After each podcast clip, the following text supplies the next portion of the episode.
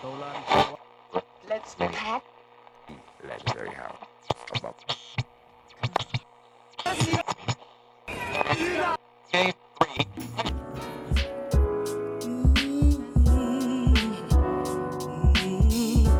Welcome to episode two of Coming Out of the Celluloid Closet, the Mix Copenhagen Film Festival podcast. I'm Kate Rochelle. And I'm Andrea Coloma. Today we are talking about the representation of transgender people in film and how trans people have fought for the right to tell their own stories. To help us do that, we have Maya Lifschitz in the studio to talk about her experience as a trans actor in the film industry and her career. So, Andrea, I want to hear about this open letter that was signed in 2018 by more than 45 advocacy organizations, talent agencies, and production companies about the role of trans people in the film industry. Can you tell me more about that to open this episode? Yes, let's do it. So in 2018, and actually one of the actors that was leading this in the media at least was Laverne Cox. But as you just said, a lot of different production companies and agencies and stakeholders within the film industry were involved um, in this open letter. But yes, it was in 2018. And pretty much, quote unquote, pretty much, this little thing that they were asking for, um, they were urging Hollywood to prioritize telling stories of transgender people and to involve transgender talent in the creative process. So it wasn't um, only about having transgender people playing transgender characters in film and mm. TV. It was also about, you know, who does lights, who does casting, who does writing, who does directing. It was really thinking about like the entire process. Mm. And even if you told a story, you know, with checking all the lists, again, quote unquote, it was still about what kind of stories are you telling, right? Are you doing like, is it trauma porn for cis cons- consumption? Mm. Um, and it was led by 50 50 by 2020, which is uh, a strategic initi- initiative within Time's Up. And they advocate for the inclusion of women, people of color, and LGBTQ plus people. Um, Yeah, so uh, Time's Up was created as a sort of segment within the film industry, specifically tackling um, sexual harassment and sexual assault within the film industry. And then this was an offshoot of this, um, this open letter by this advocacy organization. Correct. And then fast forward two years. Also, before we fast forward, I think it's also important to remember we don't have time to go into it, also because we need to talk to Mai.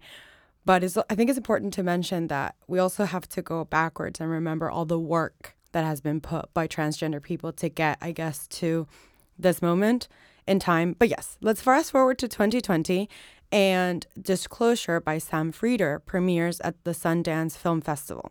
And just like The Celluloid Closet, which is the film that has given us our name, coming out of the celluloid closet, Disclosure explores the depiction of transgender people in film, going all the way back from uh, 20s and 30s, where it's more coded, um, all the way to Pose today, um, Fantastic Woman, Tangerine, and tons of other films that I think we're going to be getting into a little bit later.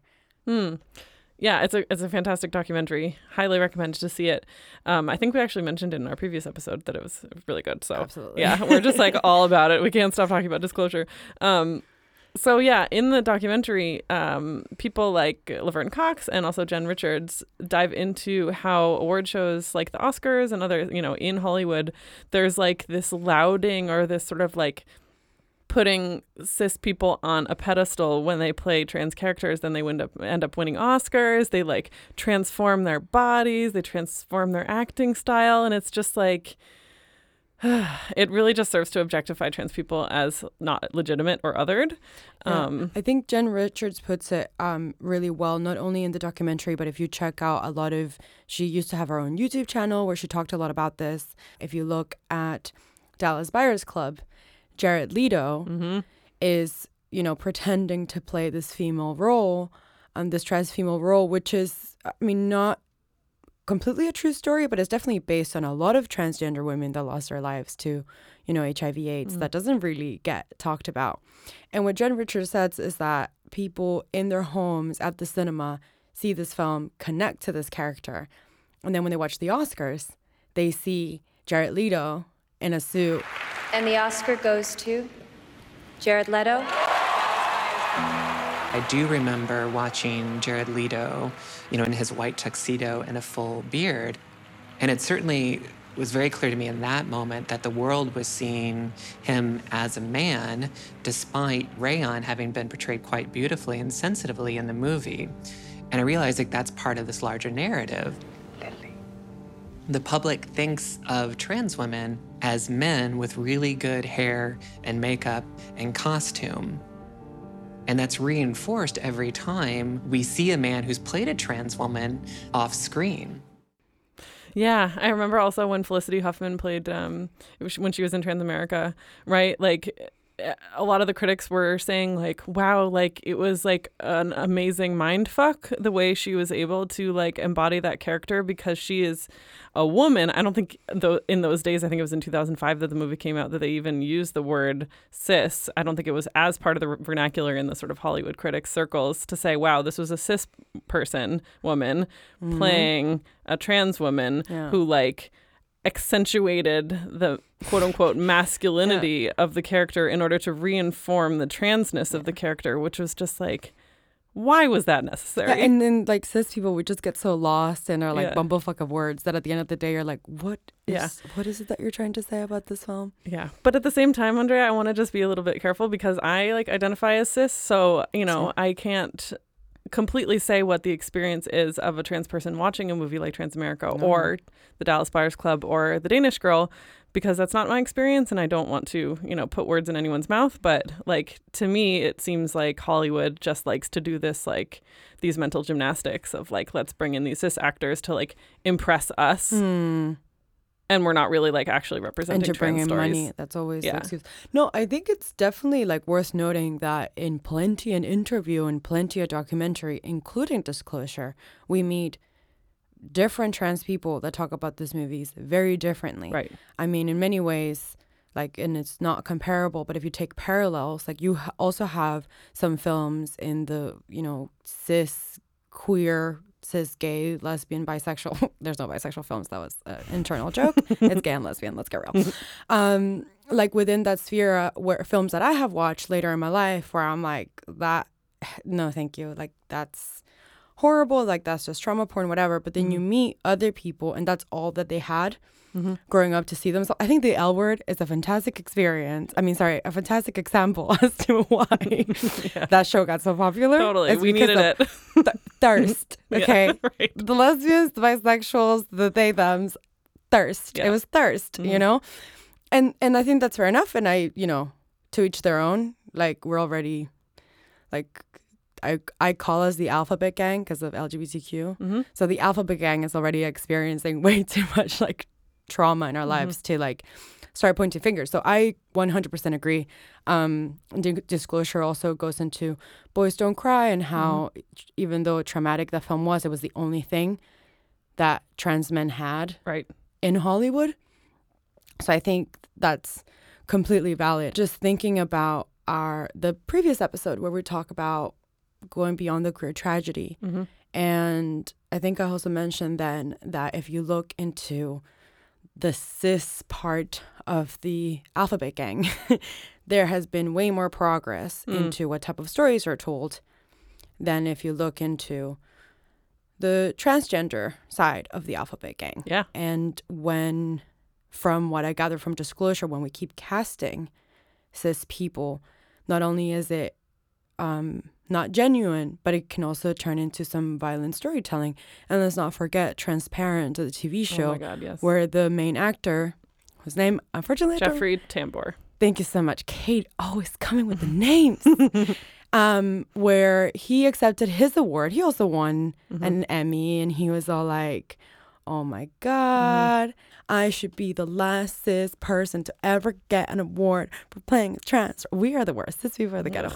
Um, and then not so long later, it comes out that he's been sexually assaulting the People transgen- yeah, the transgender women in the set, and then they come out, and it doesn't really get taken by this like Times Up Me Too because they're trans women. Right. There's actually a really good uh, roundtable with transgender actors on YouTube that everyone should check out after they watch Disclosure. Mm. So it also turns violent Mm-hmm. when we have cis people playing Right. these roles. I mean, just go watch the Disclosure. Stop listening to us. No, listen to Mai's interview and then go Yeah. watch Disclosure. But before we get to her interview, I do want to talk about our boycott. Um, Yes. At Mix. Yes. This is my first year in Mix, so I don't have the full history of it, but I would love for you. Thanks, I love you too. Um, can you tell me about how the bo- boycott came about? Yes, and I think the first thing that I always say when I talk about this is that um so first of all, Mix is a majority cis organization. I have been in Mix since 2017 and it has been like that since then. Um but I don't want people to think that this was something that was pioneered by cis people in Mix because that is not the truth. It was actually a a trans non-binary person so they're the ones that actually started the conversation already in 2017. And if you look at our program from 2017, we don't have any transgender films where the trans characters are played by cisgender people. Oh wow. But because we didn't call it a boycott, everybody left us alone. and, um, and then in 2018, we thought it was really important to bring that conversation up again. Um, so then we made the decision in 2018 to do the same conversations that had already started the year previous, but this time it was an actual boycott. So it seeped into all of our work. So, for example, if someone wants to submit a film to Mix, then they go through our submission form and it says explicitly. Hmm. I mean, sometimes people don't care, but it has made people kind of like look twice and contact us and maybe say like, okay, the this and this is not transgender people, but like these consultants, da da da da. And um, So you mean when when people are actually submitting their film to Mix, they have to sort of like put in the submission that they have not cast uh, cis people in trans roles, and also that they have included trans representation behind the camera. Um, no, we don't have trans representation behind the camera. Okay. We it's specifically to um, not casting cis people in transgender roles Okay. in film or Mhm. transgender characters in film. And um, that actually brings us just to the final point before the interview, which is like, what are some movies that either we've screened or that are just great films about trans people played by trans people that our audience can check out? Can I just okay? So we have a list, but can I just quickly ask you, like, Mhm. Top of your head, go. Which one would you recommend? Um, Tangerine, obviously. Ah, I knew it. you took it. Sorry. yeah, I love Tangerine um, because it's just like the pace of it is incredible and it's famously shot on an iPhone. Um, and it's about um, these trans sex workers in LA going about their day um, and the sort of like shenanigans that they get up to. But it, it doesn't sugarcoat the life of a trans sex worker either. Um, it's just like a really amazing snapshot of a day in the life. Um, highly recommended. What would you say? It's a fun Christmas film, I Yeah, would say. true. Um, I have to, and this is not. This, I was gonna say this is not necessarily. This is not at all a feature fiction. It's a documentary, but it has to be Bixa Travesty, Tranny Fag. I haven't Um, seen it. When I tell you that you're missing out on your Mm. life, uh, I watched it at the premiere, the world premiere at Berlinale or Ber- Berlin International Film Festival in 2019. I think that I watched it, and I remember, I think we maybe saw the first three minutes when it started, and the festival director at the time, we were watching it together, and I remember she turned around to look at me, and at the same time, we both went, "This is the opening film."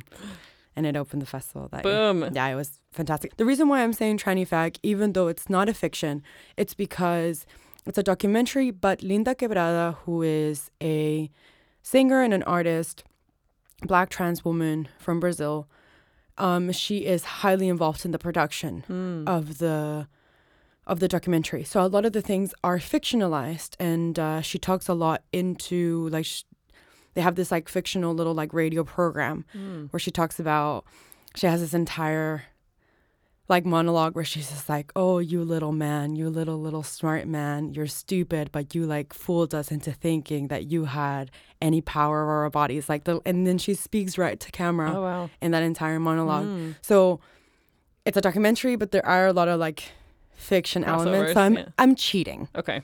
I'm I'm I'm trying to I'm trying to get away with the cheating, but I'm 100. I'm cheating. It's a documentary.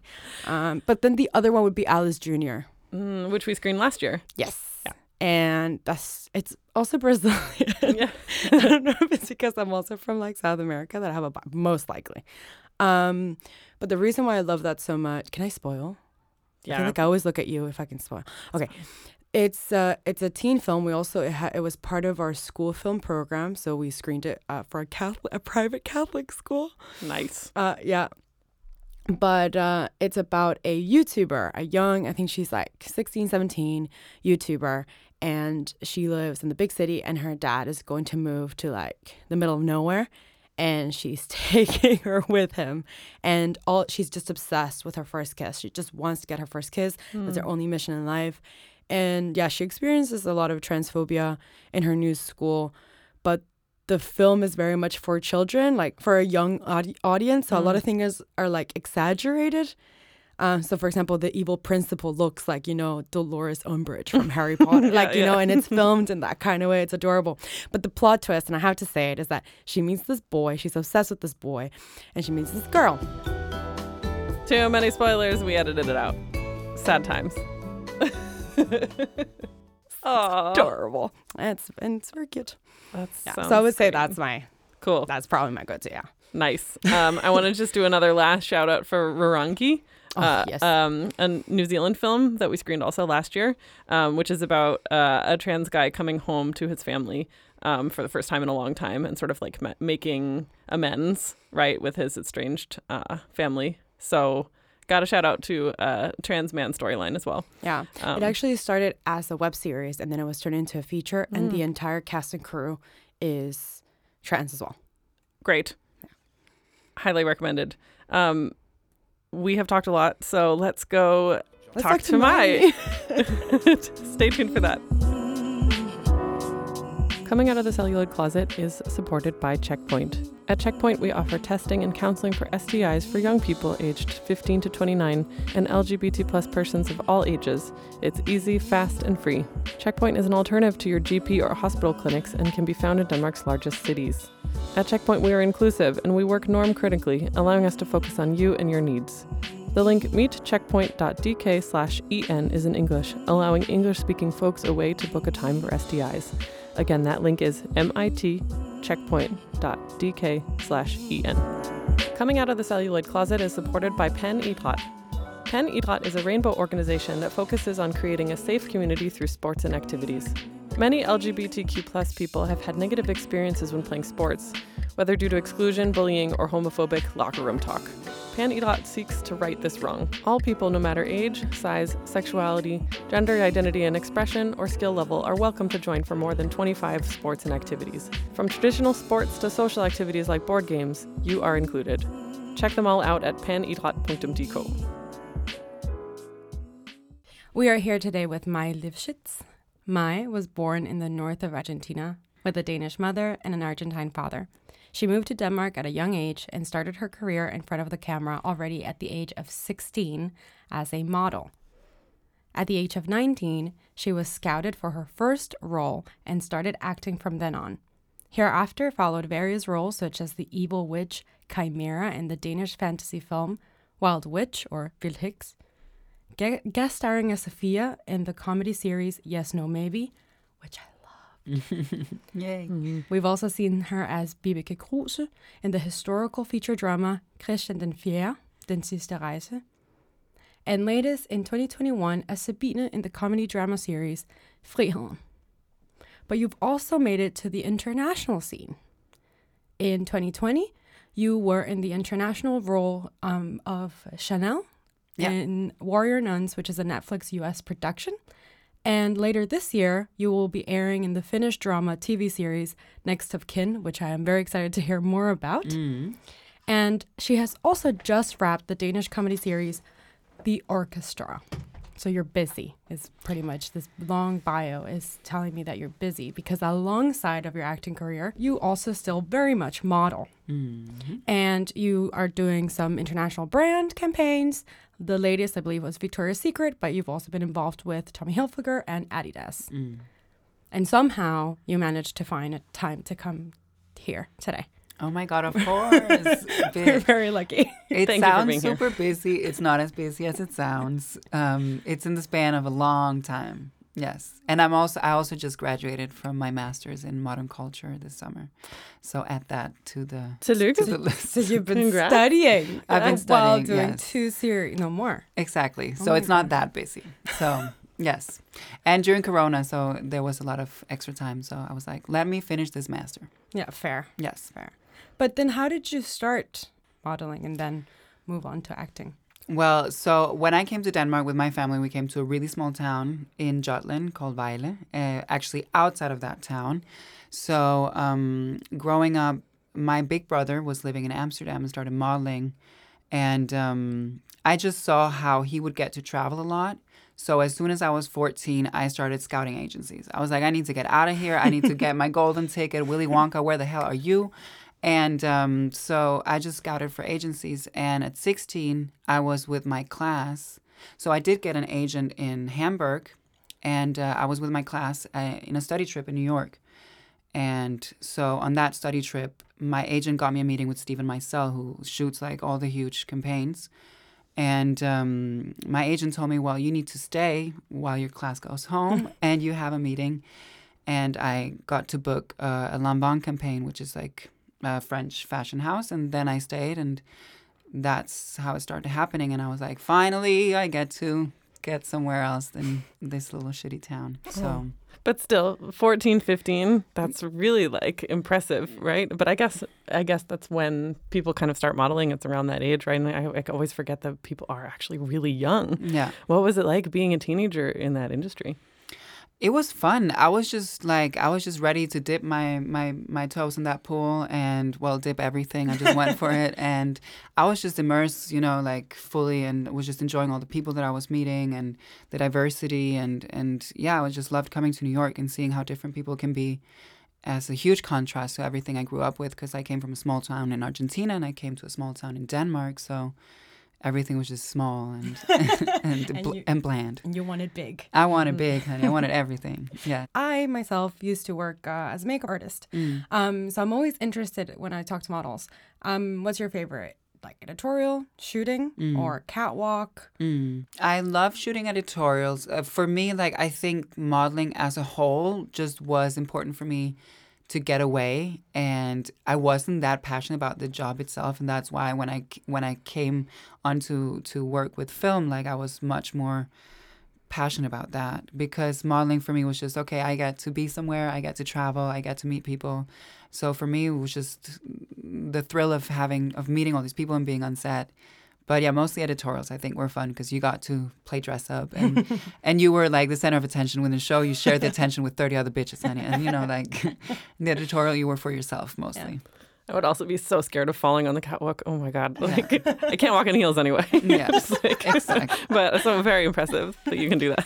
and the heels were always too small because I'm a size 42, you, uh, European 42. So they were always have shoes that were too small. So that was really annoying. That's really annoying. Yeah. Hmm But you do have the height for editorial and the face Mm, and yes. everything else. Oh, thank you.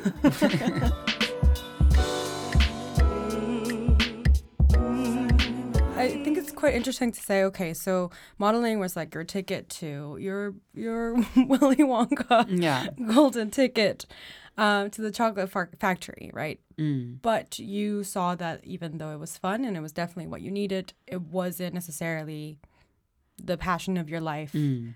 Until you saw acting as a possibility to add on to your curriculum, if, Yeah. if so to say. But how did that happen? How did you come into acting? So I came back from, so I was staying in New York, I was staying in London, I was staying in, in Berlin, and I came home and didn't know what to do. And I started working as a makeup artist as well. So I was working for MAC in Copenhagen in 2014. And this um, amazing caster called Anja Philip, who casts like all the, the great stuff here in Denmark, she, uh, she had to buy a lipstick, and her and her daughter. And then she turned around, she was like, wait, I'm looking for a mysterious, crazy witch lady for this for this film, and and then she, uh, I got to to work with her, and she like really helped me in the beginning, and and yeah, guided me through acting. But yeah, so you've been acting for about yeah, five, six years now, Mm. um, and it's mostly international at the moment. But you've also worked in a lot of Danish films, right? Um, And we're curious about like your experiences just in those two different industries, just the kind of roles that you've been offered, um, like what's interested you about those kind of roles, and then we should we're definitely wanting to hear about like how you feel that trans stories have been represented in the roles that you've been offered or seen. Yeah. How have, have things changed from your perspective? I mean, it started off so 2015, I guess, was when I started working and or 14, 15. And since then, a lot of things have happened. You know, like the conversation has really widened. And, and starting off, I feel like I got offered a lot of things that were super personal, super stereotypical, super uh, patronizing, and a lot of narratives that weren't really helping trans people. So, what I always think about when people offer me something or when I get a breakdown for a self tape or whatever, like, is I'm looking for originality. I'm looking for authenticity. Like, how is this person's life being uh, portrayed? Like, because I think that I don't want to tell the story of the trans person who starts with one gender and then you go through the physical, you know, a very objectifying narrative and then you end up, you know, like there was this film called Girl, for example, which was like about a ballerina that I saw.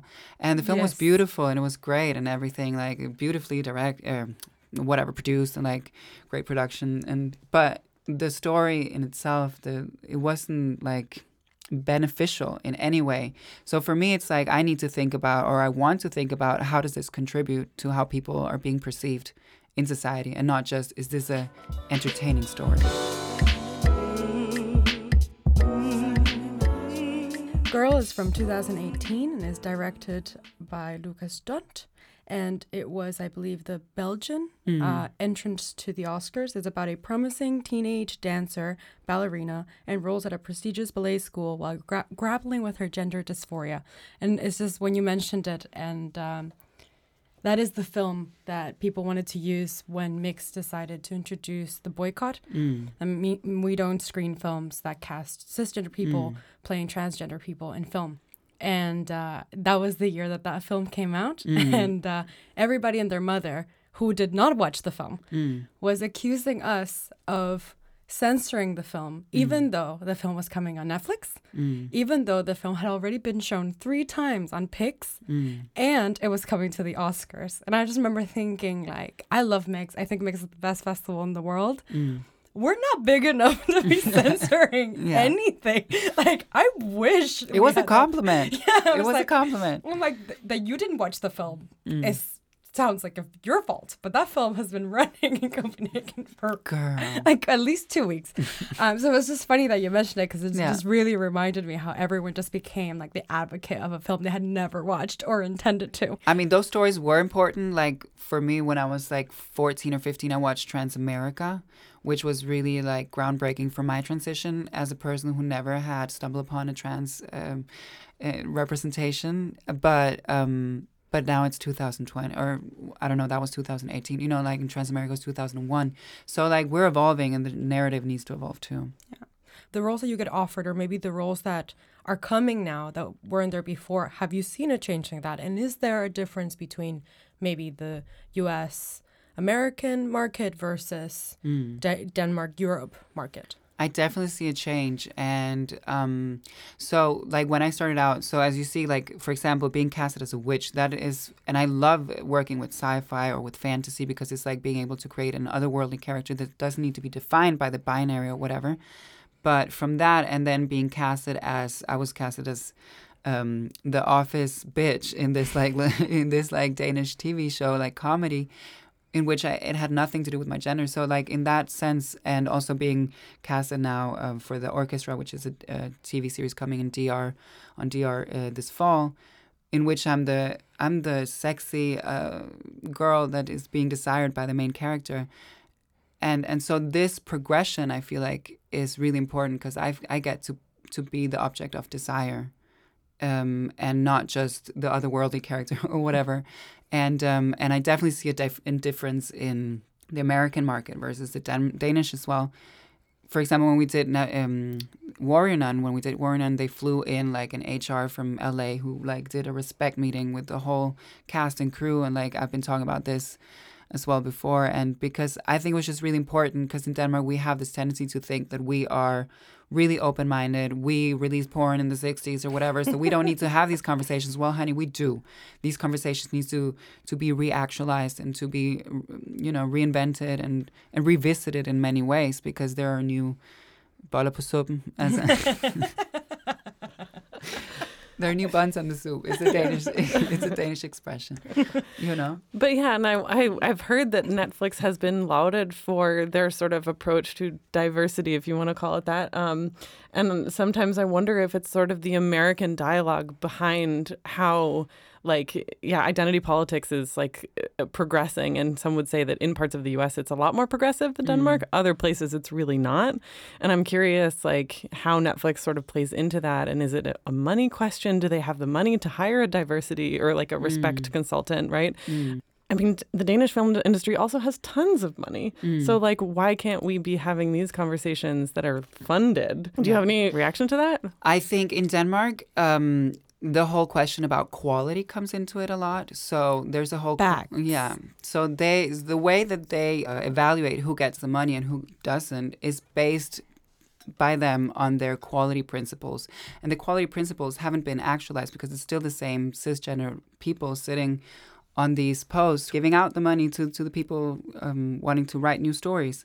So I think it's just being, a, you know, it's just repeating the same old, same old because there's not new people coming to these uh, power positions. Right. Who's sitting at the table? Yeah. Right. Mm-hmm. Yeah, this question of quality also plays into it a lot, I think. I just feel like sometimes that phrasing is like cheap. Yeah. Right. Because they're saying, oh, it's quality, so we can't include people that don't look like us. How Like, do you what? define quality? Is Yeah. quality being, is- as Netflix does, they see the money in that market, in the LGBT market, or in the, you know, diversity market in, in general, and yeah, I guess the Danish people are a bit behind on that.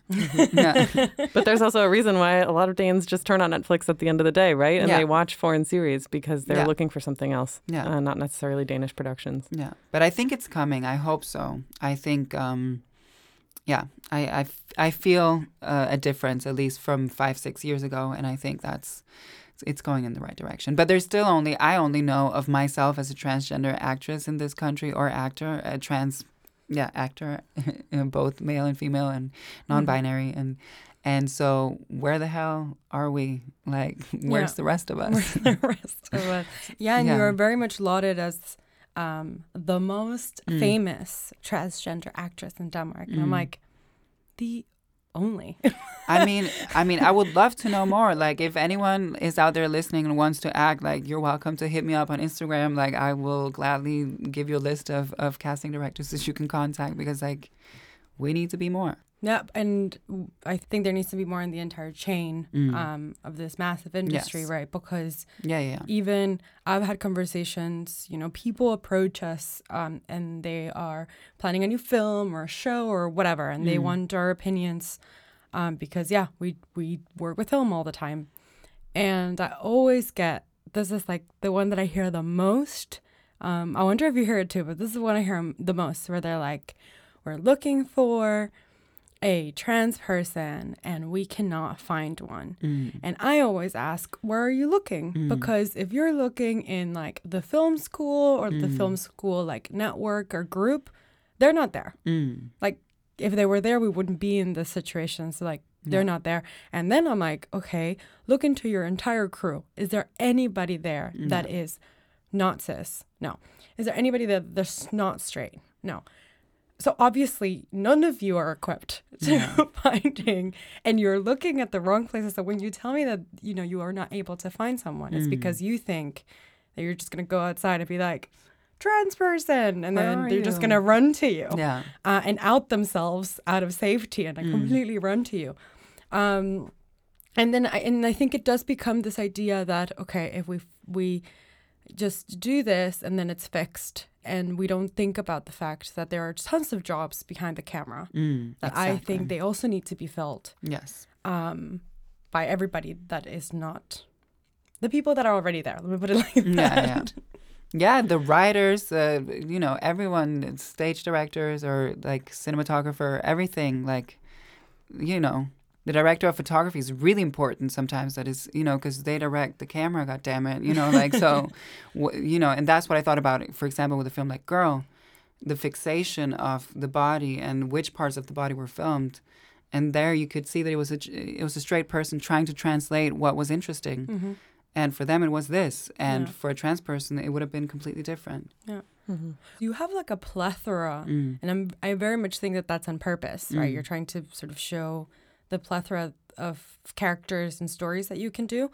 Um, so, for example, the office bitch, the Mm-hmm. sexy object of desire, a chimera. Mm. Um, what is it about? Like, what conversations do you have with your agents in terms of roles? Like, what is it that they need to find or that you need to look for? And you're like, this, I want to try out for this.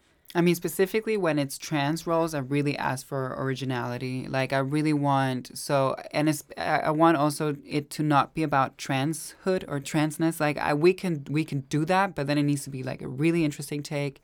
And I've really applauded Euphoria. We all love Euphoria. like the Jules character, that was a lot about her transhood, but it was portrayed in such a beautiful and interesting way that I would have loved doing that as well. And I can, you know, like so. So it just needs to be original somehow, and it needs to be not focusing or objectifying and not stereotypical and it needs to involve somehow the trans person themselves. So for example for yes no maybe which you also mentioned earlier so that was um, sort of this dating show or whatever like a person who was dating a new person every time or each episode. And so i was a, a big part of, of of developing that or it was actually inspired by my own life as well. And so I just think it's important to be included somehow if it's getting that personal.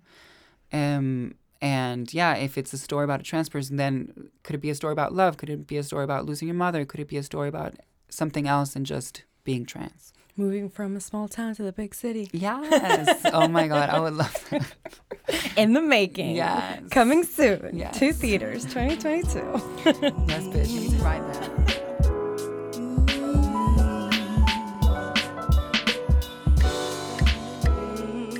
I understand, you know, if someone wants you wants a trans character you don't want to play into the films that you don't want to watch. Mm. But just in general, like this sex bomb kitten Mm. that's I don't know, I haven't seen it, but it Mm-hmm. sounds like everybody's just like salivating after you. Mm. What was it about that that you were like, yes. The orchestra, which is coming out. So that's because I got to play the cello. I was a cellist in an orchestra. So for me, it was just like the. I also just look for adventure. I look for fun. I'm living life. I also want to get paid. I also want to make money, honey. So like, I'm for sale. I'm not for sale. I'm not that much for sale. Like I won't sell out on my. On You're my, not on discount. I, I get But- to discount on my values, but I don't sell them out. no, I'm just no. I'll stick to my values, and, and those are not for sale. But so with my agent, we talk a lot about it. Does, does, does this harm you, or does this harm your message in any way? And if it doesn't, and if it pays well, then why not? Yeah, of course. So yeah, I was yeah. For example, with Victoria's Secret, that didn't pay well because they were motherfuckers with that. but but so I was like, does this hurt my image? Even though, because they had been out uh, speaking about, you know, they that they never wanted trans model, for example. So I also had to think, okay, do I want to rep or, or be represented by a brand who said that they would never cast a trans person? And I was like, you know what? I don't care what they've said because I'm going to use this platform and that's not going to hurt my image. I'm going to use that platform to say whatever I want to say. So, so yeah, that's the main question. Like, does this hurt my message or? So yeah, there's definitely a lot of other things that I guess cis people don't have to think about when they go into things as an actor. Yeah. Do you feel like you're under pressure because of your sort of like your image or your persona? No, I think it's a good challenge. I think like I have the possibility of of like lurking and changing some some structures that I don't agree with. Mm-hmm. So I think it's it's a gift in many ways. It, it can be tough. Like it's a lot of things that I need to think. Hmm, how would this be? Hmm. But but yeah, I think it's if I get to change something or if I get to help in that process, like bitch, that's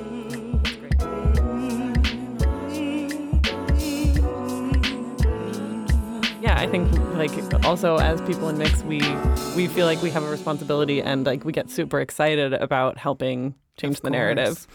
Because like we have an audience that is also so diverse, right? Mm. Like we go beyond the Danish borders, and um, we are pulling in films from all over the world, and it's just like really exciting to be able to exemplify all of the stories that are out there Yes. in film and media, right? And like you said, like choosing originality, that's also on our side. We we look for that too. and you um, see with that boycott which impact it had, you know. So Mm-hmm. yeah. When the boycott came out, um, you were interviewed Mm. by a newspaper. Mm. Um, were you? Did they look for you, or did you look for them? How did Oh, happen? honey, no, I don't look for for press. like press. So they found you. Yeah, yeah, yeah. Yeah, they found you. And I definitely supported that. So I thought it was a really important message. So I really wanted to to to help Yeah. spread that. It would. I can just tell you what it was like on our side to be our all of our social media was in the hot flames of hell. Yeah. Like, it was just a nightmare to the point that we were trying. And I was part of the communication team that year. To the point that we were like. Should we save them? So like you know, you get a shift, like an hour shift at like eight p.m. and then you just like plow through, and then you just forget it for the next day, Yeah. and then the next person that comes in at eight just like powers through. Um, and we were being invited by all these, you know, we were being interviewed by all these people, and I think you can agree with me as someone that has to sit with media a lot. They want to get you. It's like it becomes like a fight, and Mm. I'm like. I'm I'm not good at boxing. Where are we Yeah. fighting? And then finally, we wake up to this article uh, with also someone from the industry, right? This is not like some random person that writes an op-ed or whatever. Someone from the industry that's like, yes, and we're all like, finally, we can breathe. At least for like two hours, people are gonna let us breathe. Yes. and that was pretty cool. Yeah. I mean, I think it's really important to to just make a haul whenever you can, honey. And if people listen, then just go for it. yeah. I remember reading an article. So before Warrior came out, it was, you know, the promos were starting and people were posting. And then I found um, that David Hayter, which is the co writer and co producer of, of uh, Warrior Nun, he tweeted that he had had a conversation with you where you said that this is the first script, at least at the time, that you came across where the character being trans was problematized um, and that that's what kind of caught your eye. I never had that conversation with him. so I don't know where he gets that from. He's an awesome writer, but I don't know him personally. I never had a conversation with him prior to that. But he sort of like tweeted that, and I was like, okay, whatever. If that's gonna get to some people, I mean, that's great. If you think that, I don't mind it or whatever. But prior to that, I've, I've, you know, I, I did a witch character that was not problematizing my transhood. Mm-hmm. So I don't know where he got that from. But um, but yeah, That is that's fine. I don't mind it. But like, what what attracted you to Warrior? um, Netflix. Yeah, Um, I was about to say yeah Netflix. so it was definitely like i just always wanted to as, as soon as i started acting like I, I would much rather act for an international audience My problem is that I never had the chance to pick up my own clothes, find my own style, discover who I really am. This probably makes no sense to you. no actually it took me a while to figure out who i was too So, how do you do it?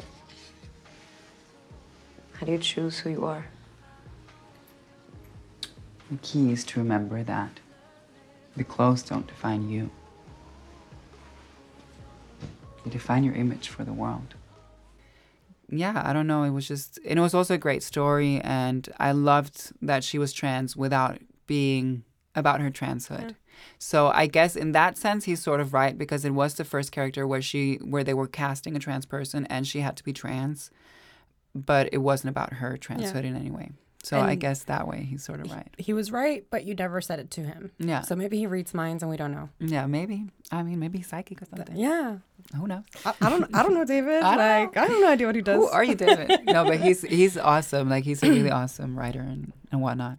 How was it to be part of like a huge Netflix? It's shot in Spain, correct? Yes. Yeah, I remember you being in Spain. I was like, Yes. What is she up to? I was like, these buildings are Spanish. Yes. it was so awesome. So we were staying in Malaga and we were like you know 10 young people just having fun and getting to know each other in the month of pre-production and and fittings and table reads and all that. And so we just had a bunch of fun together and it was really awesome. And being on set coming you know and there's just a whole tr- you know city of trailers that just came in overnight and like it was just huge. Um Just like took over the city. yes uh, pretty much Mhm. so it was just wonderful to watch that many people co-creating something and and yeah How long was the shoot?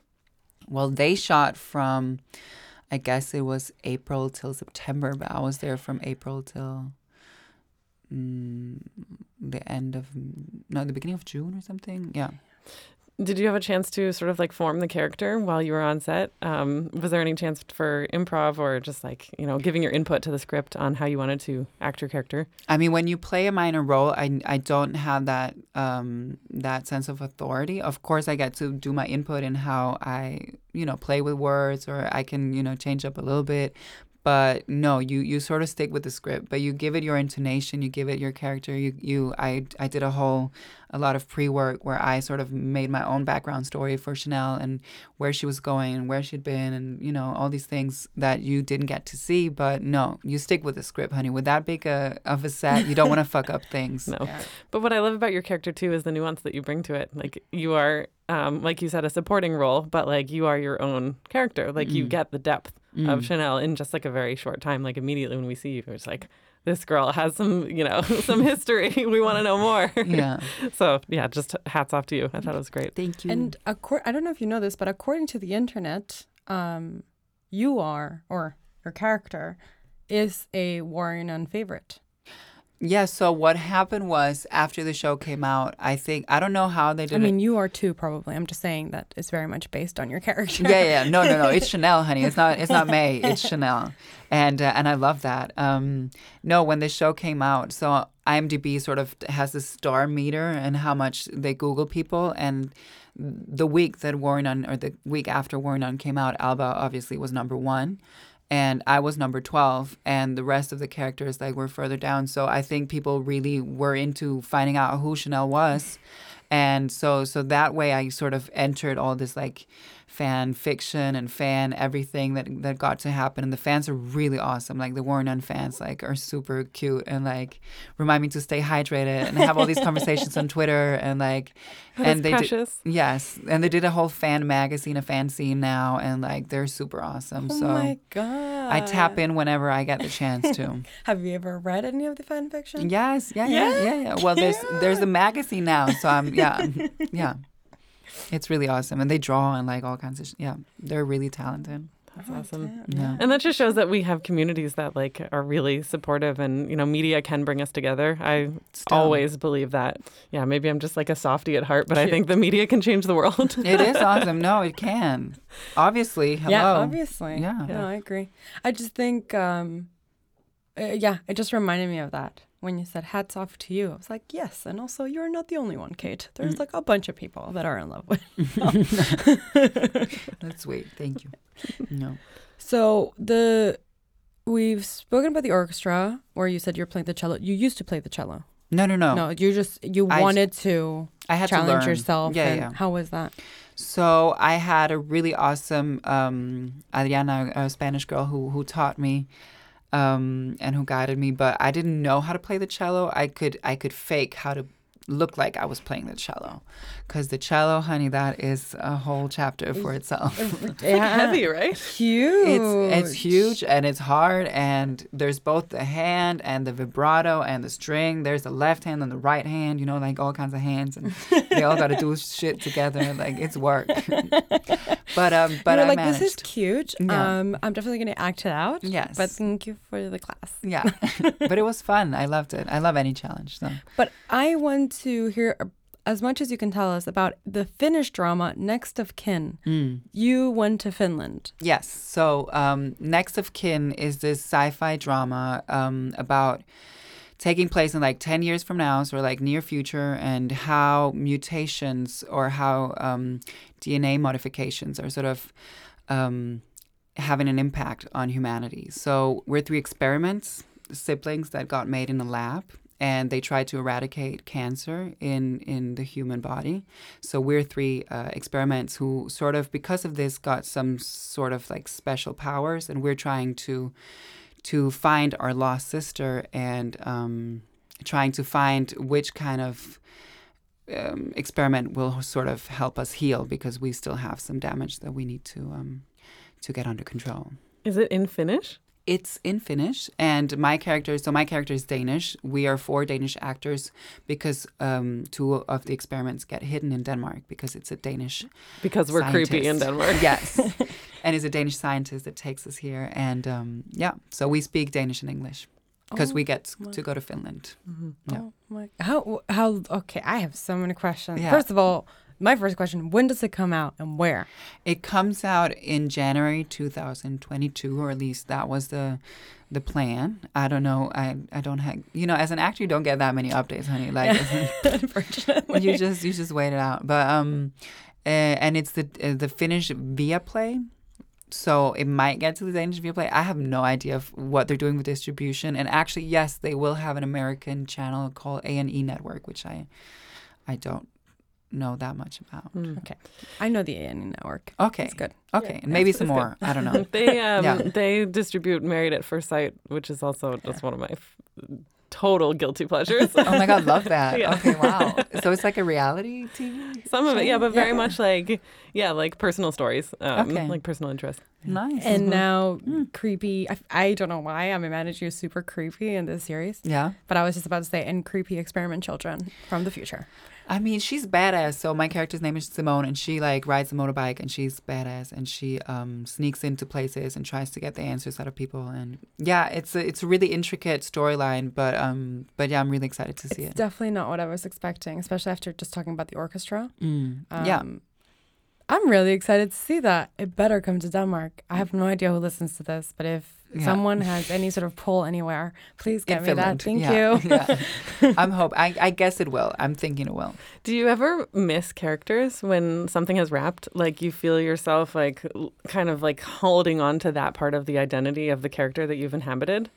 I mean, I'm always ready for the next, but Chanel, I loved. Like, Chanel was awesome. Chanel was the person that I would love to be full time and the wardrobe that I would love to have full time. And yeah, she was, she was really cute. And yeah, I, I don't really hold on to things like that. I think hmm. it's, I just love stepping into the next thing. So I'm always next. Yeah. next, next, next. Would you ever do like a like a multiple seasons character? I would love to be a series regular. honey. like that is not up to me. like, yeah, of course. Like I'm going for that lead. Like that's what you want to work for as an actor, and and yeah. So I'm just we're just gonna see what happens. You just never know. Mm-hmm. Yeah, Like, and it's course. literally from one day to the next. Like casting is the last thing that happens, and I don't I don't know if a lot of people know that in in a process of production of producing a film or a No, I don't think people do.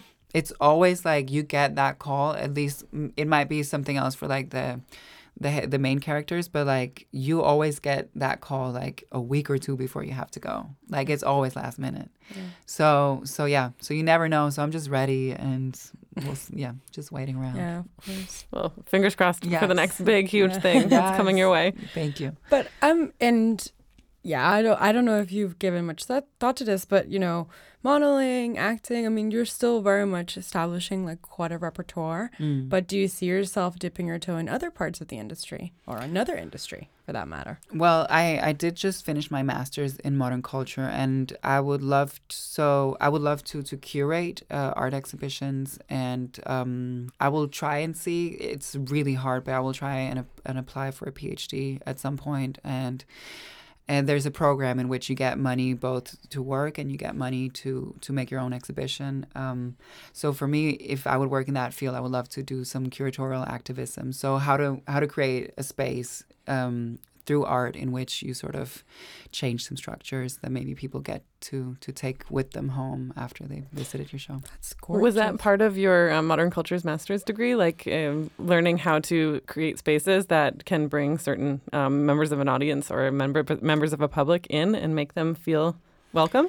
Yeah, we so I had a class called um, curatorship and or curating, and and through that I definitely uh, work with that, and I think through everything I did, because modern culture on in KU is is very much like a critical study, and and yeah, so I think it was with me in everything I did, and my master's was about um, the bus that was thrown into the the ocean and the Yes. reaction that came from that, and so.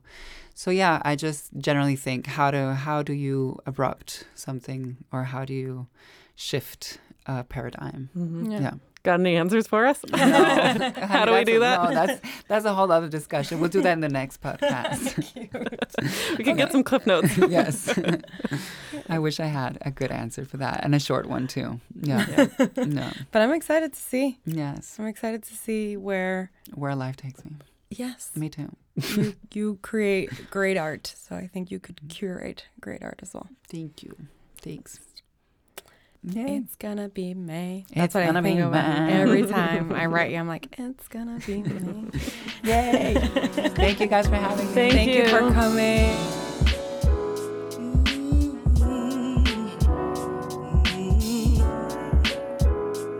This episode of Coming Out of the Celluloid Closet, the Mix Copenhagen Film Festival podcast, was presented by Andrea Coloma and Kate Crochelle.